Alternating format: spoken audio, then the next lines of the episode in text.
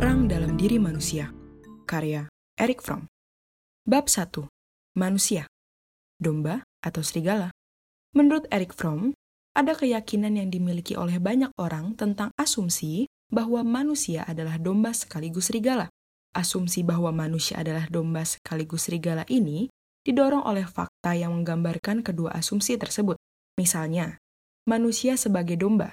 Maksudnya adalah selama ini manusia menurut ketika diperintah oleh kekuasaan atau bujukan rayuan yang menyebabkan peperangan bahkan penghancuran. Dengan asumsi bahwa manusia adalah domba, Inkuisisi Agung dan para diktator dapat membangun sistem karena asumsi ini memberikan dorongan bagi manusia bahwa mereka membutuhkan pemimpin dan dorongan bagi pemimpin untuk memenuhi kewajiban moral itu. Namun, asumsi bahwa manusia adalah domba juga melahirkan sebuah pertanyaan sekaligus kritik. Jika mayoritas manusia adalah domba, mengapa kehidupan manusia sangat berbeda dari domba? Sebagaimana kita tahu, sejarah manusia telah ditulis dalam darah sejarah kekerasan tanpa henti. Istilahnya, apakah Hitler dan Talat Pasha serta Stalin melakukan perbuatan atau tindakannya berdasarkan kehendak sendiri? Dalam praktiknya, tindakan mereka didukung oleh tindakan orang lain yang membantu mereka untuk membunuh, menyiksa dengan sukarela maupun senang hati. Karena semua fakta kehidupan manusia yang destruktif itu, pemikir seperti Hobbes sampai pada kesimpulan dengan mengacu pada istilah Homo homini lupus. Manusia adalah serigala bagi manusia yang lain. Karena fakta destruktif tersebut, akhirnya kita jadi meyakini bahwa manusia bersikap kejam secara alamiah. Namun, kedua argumen tersebut juga membingungkan kita. Memang benar bahwa ada pembunuh dan orang sadis yang potensial seperti Stalin dan Hitler. Tetapi, itu bukan suatu hal yang umum. Dan menjadi pertanyaan yang relevan bagi kita semua, apakah kita adalah manusia berbulu domba? Namun kenyataannya, manusia punya kesempatan untuk berbuat kejam dan sadis tanpa perlu takut dibalas. Di sisi lain, banyak pula yang tidak bertindak demikian dan muak setelah mengetahui kekejaman dan sadisme. Dari kontradiksi yang rumit tadi, apakah bisa dijelaskan lebih baik lagi? Apakah jawabannya sebenarnya sederhana, yaitu ada minoritas serigala yang hidup berdampingan dengan mayoritas domba? Tidakkah itu berarti ada dua ras manusia? Katakanlah serigala dan domba. Apalagi bagaimana domba bisa sangat mudah dibujuk supaya bertindak seperti serigala, bahkan menegaskan kekerasan dihadiahkan kepada mereka sebagai tugas suci. Asumsi tentang serigala dan domba mungkin tak dapat dipertahankan. Benarkah serigala mewakili ciri dasar sifat manusia? Hanya saja sifat tersebut lebih tampak pada mayoritas manusia. Sekarang, jawaban dari pertanyaan ini sangat penting, karena bangsa-bangsa bermaksud menggunakan kekuatan paling dahsyat untuk memusnahkan musuh-musuh. Padahal mereka sendiri bisa turut hancur binasa. Menurut Eric Fromm, jika kita meyakini bahwa secara turun-temurun sifat manusia memang rentan membinasakan dan kebutuhan menggunakan kekuatan dan kekerasan berakar di dalamnya, kita akan makin tidak sanggup untuk mempertahankan diri dari kebrutalan yang terus meningkat.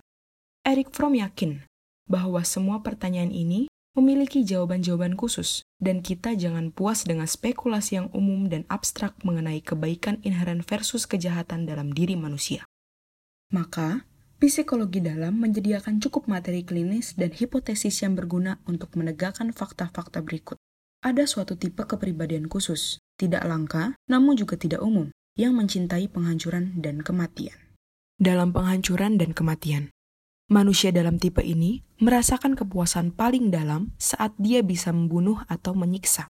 Semua energinya diarahkan untuk menghancurkan, walaupun dia sering kali tidak sadar akan sifat nafsu ini. Istilah nekrofilus, orientasi mencintai kematian ini, bisa dijelaskan dan dipahami dalam dinamikanya, perwujudannya, dan asal mulanya. Dari pemeriksaan itu, kita melihat bahwa kehancuran bukan sifat manusia, tetapi juga tak berlawanan dengan sifat manusia bukan pula suatu kutub dari dualisme baik dan jahat. Manikian Freudian.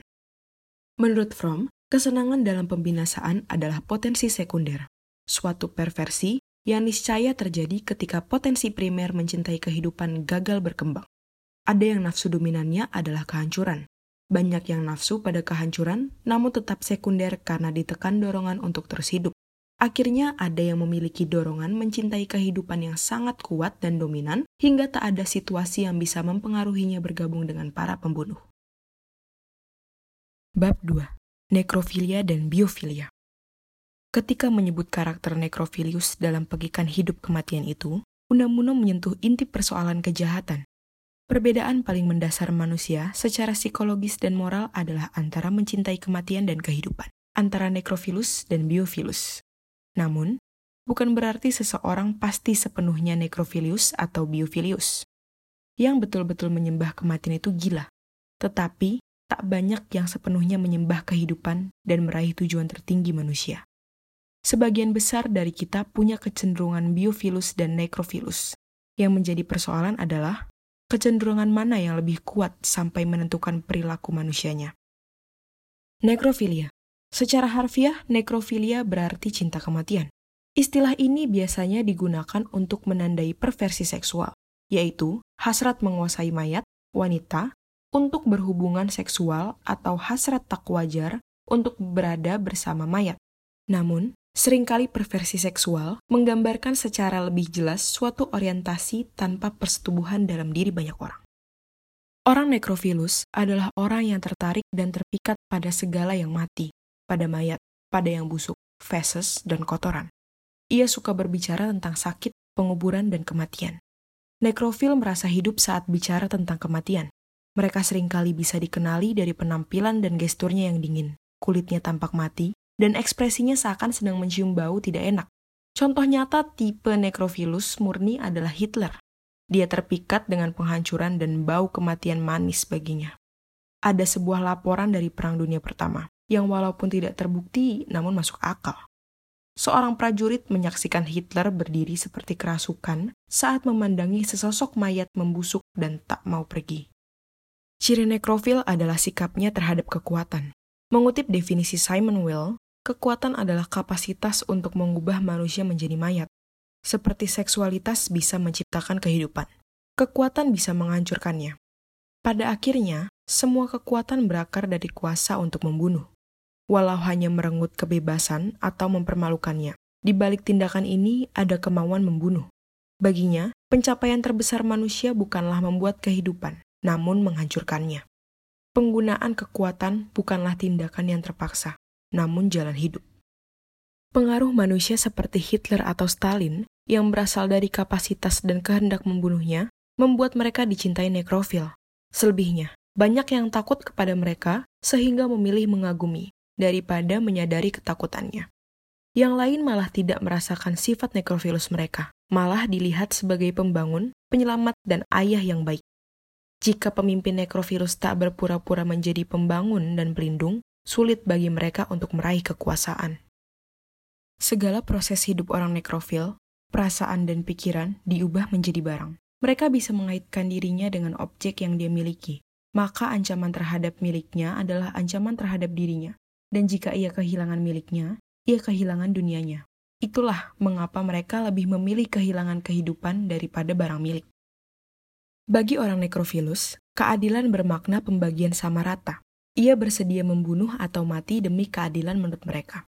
Segala yang mengancam hukum dan ketertiban dianggap jahat dan melawan nilai-nilai tertingginya. Karena itu, mereka tertarik pada kegelapan dan malam. Segala yang menjauhkannya dari kehidupan memikatnya. Mereka berorientasi pada masa lalu yang pasti, bukan masa depan yang dibencinya. Sejatinya, kehidupan tidak terprediksi dan terkendali maka kehidupan harus diubah menjadi kematian, karena hanya kematian yang pasti di kehidupan ini. Cinta pada kehidupan, biofilia. Lawan orientasi nekrofilus adalah biofilus, cinta pada kehidupan sebagai lawan cinta kematian. Biofilia mewujud pada proses jasmani, emosi, pikiran, dan gestur seseorang. Orientasi biofilus mengungkapkan dirinya dalam manusia utuh, Bentuk paling dasar orientasi ini adalah kecenderungan seluruh organisme hidup untuk hidup. Sebagai contoh, orientasi biofilus dasar adalah hewan yang bertarung agar tetap hidup, dan manusia yang berbuat apa saja demi tetap hidup. Selain bertahan hidup, aspek lainnya adalah berpadu dan menyatu dengan entitas-entitas berbeda dan yang berlawanan dan tumbuh dengan struktural. Penyatuan dan pertumbuhan adalah ciri segala proses hidup, tak hanya sel, tetapi juga perasaan dan pikiran. Ekspresi yang paling dasar adalah penyatuan sel dan organisme dari non-seksual sampai seksual. Dalam manusia, penyatuan seksual berasal dari ketertarikan laki-laki dan perempuan yang menghasilkan kenikmatan paling intens dan kehidupan baru. Walaupun secara biologis, insting seksual menjalankan kehidupan belum tentu secara psikologis menandakan biofilia. Orang biofil mencintai kehidupan dan tertarik dengan proses hidup di semua bidang. Dia lebih suka membangun daripada menguasai, mencari sesuatu yang baru daripada nyaman dalam kemapanan, melihat secara menyeluruh daripada bagian-bagian saja, dan dia menikmati hidup dan semua perwujudannya tidak hanya bersenang-senang. Etika biofilia mempunyai prinsipnya sendiri tentang baik dan jahat. Segala yang meningkatkan kehidupan itu baik. Yang jahat adalah segala yang melumpuhkan, menyempitkan, dan mencerai-beraikan kehidupan. Sukacita itu baik, dan kesedihan dosa. Biofil tidak dipenuhi sesal dan bersalah yang benci diri, ia berpaling pada kehidupan dan berbuat baik. Interrelasi dua orientasi, eros dan insting kematian. Kebanyakan orang adalah campuran tertentu nekrofilus dan biofilus. Persoalannya adalah orientasi mana yang lebih dominan.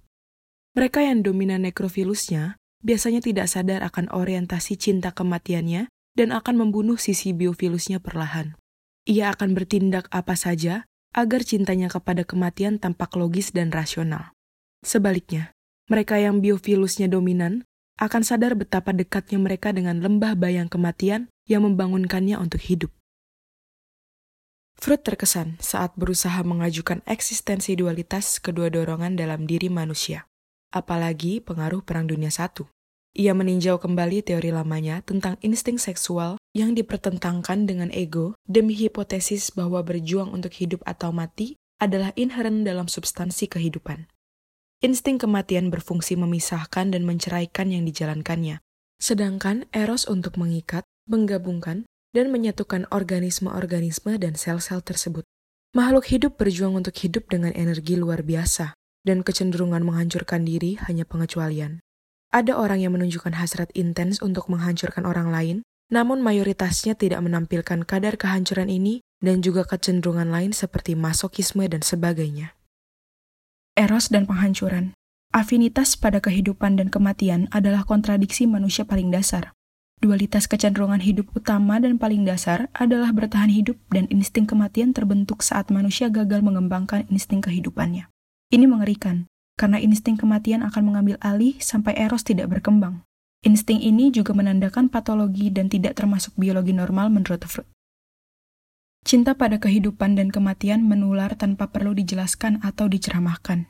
Orang-orang nekrofil biasanya tumbuh di lingkungan yang mencintai kematian, kurang rangsangan, penuh ketakutan, terlalu tertib dan tidak menarik. Aturan-aturan birokratis bukannya tertib yang terbentuk relasi langsung sesama manusia. Sedangkan Orang-orang cinta kehidupan tumbuh dengan orang-orang cinta kehidupan, bebas, tanpa ancaman, dipenuhi kontak hangat dan penuh kasih sayang, dan menggunakan kreativitas. Faktor yang paling kentara adalah kelimpahan versus kekurangan, secara ekonomis dan psikologis. Selama seluruh energi manusia dihabiskan untuk bertahan hidup, cinta pada kehidupan pasti akan terhalang. Maka, nekrofilia berkembang. Biofilia tidak bisa dicapai di sistem masyarakat yang mengeksploitasi dan mengekang kebebasan kelas tertentu. Biofilia akan terbentuk dengan adanya keadilan, di mana semua orang dapat memperoleh pengalaman hidup yang sama. Keamanan dalam arti tak ada seorang pun bisa jadi tujuan kehendak orang lain. Dan kebebasan, bahwa semua manusia untuk menjadi anggota masyarakat aktif dan bertanggung jawab. Sejumlah bantahan Mungkin tidak adil menjadikan serigala sebagai simbol manusia yang mencintai kematian, karena buktinya adanya insting kematian dalam hewan lebih sulit ditemukan Freud daripada dalam manusia. Maka, jangan menganggap kapasitas bertindak kejam manusia sejalan dengan hewan.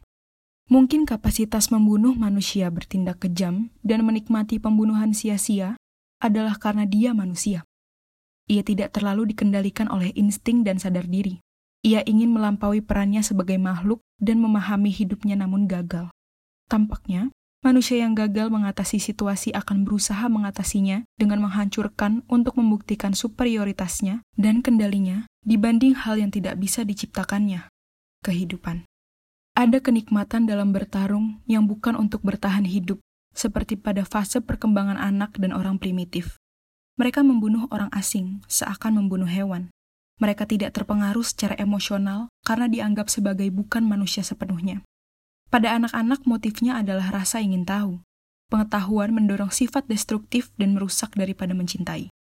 Walau membunuh mungkin memberi tujuan hidup, itu tak pernah baik dan didorong pandangan bahwa ada musuh mengancam yang perlu dibunuh.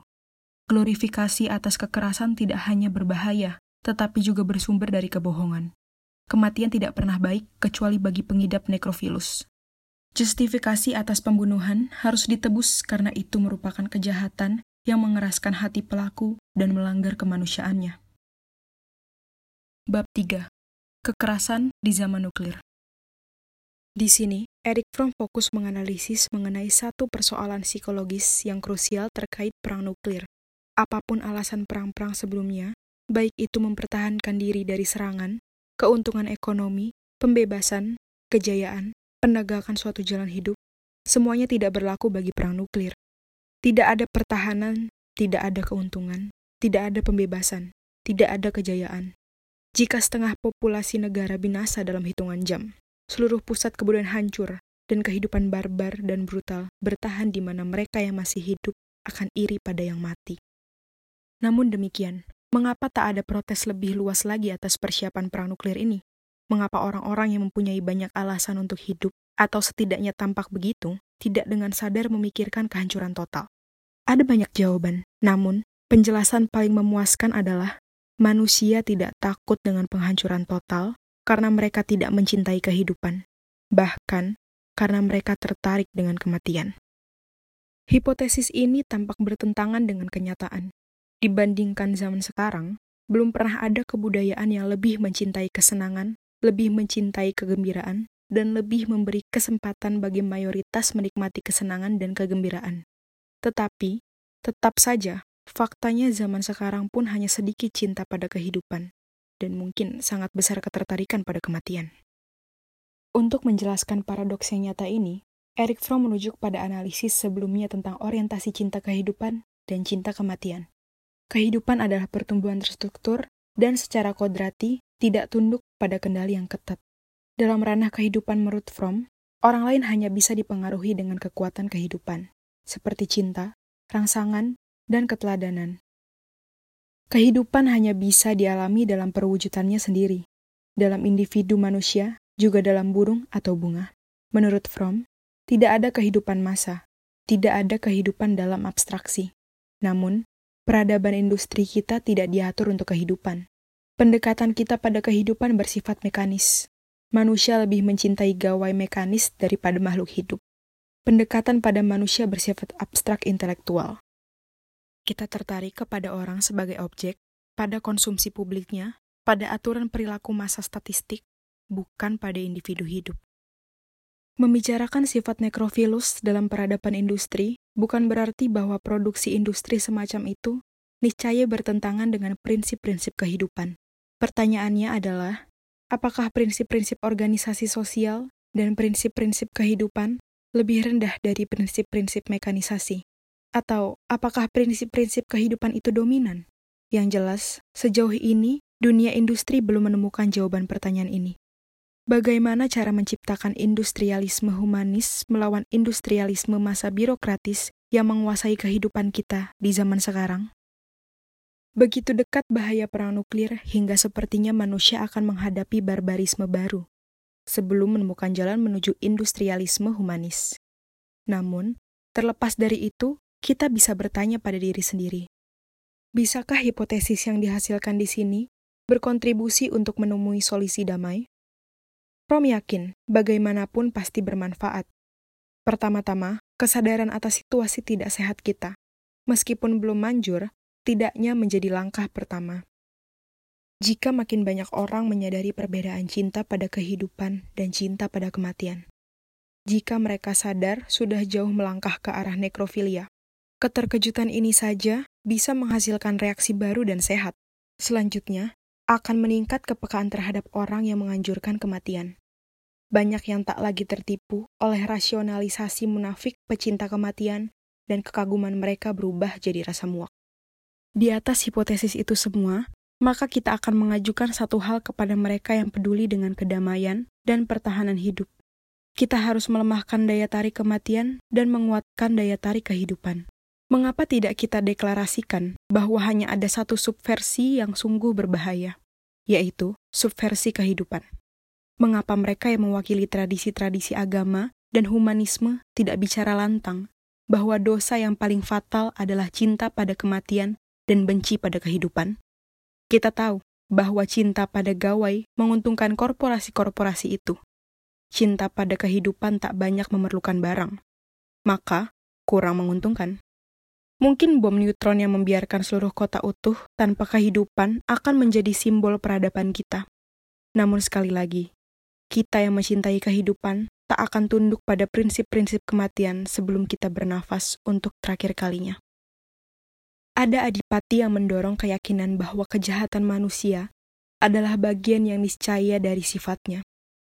Apati itu bisa berkurang oleh kesadaran bahwa cinta pada kehidupan dan cinta pada kematian bukan sebagian dari sifat manusia sebagai dua potensi yang terberi dan konstan, melainkan gagal memahami kehidupan sehingga melahirkan gairah pada kematian dan kehancuran.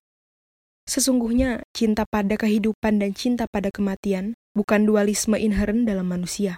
Keduanya lebih merupakan pilihan dasar. Pilihan itu dia buat ketika tindakan penghancuran final, tetapi di banyak langkah sebelumnya. Dia membuat pilihan itu setiap kali dia menghina kehidupan dan mengabaikannya.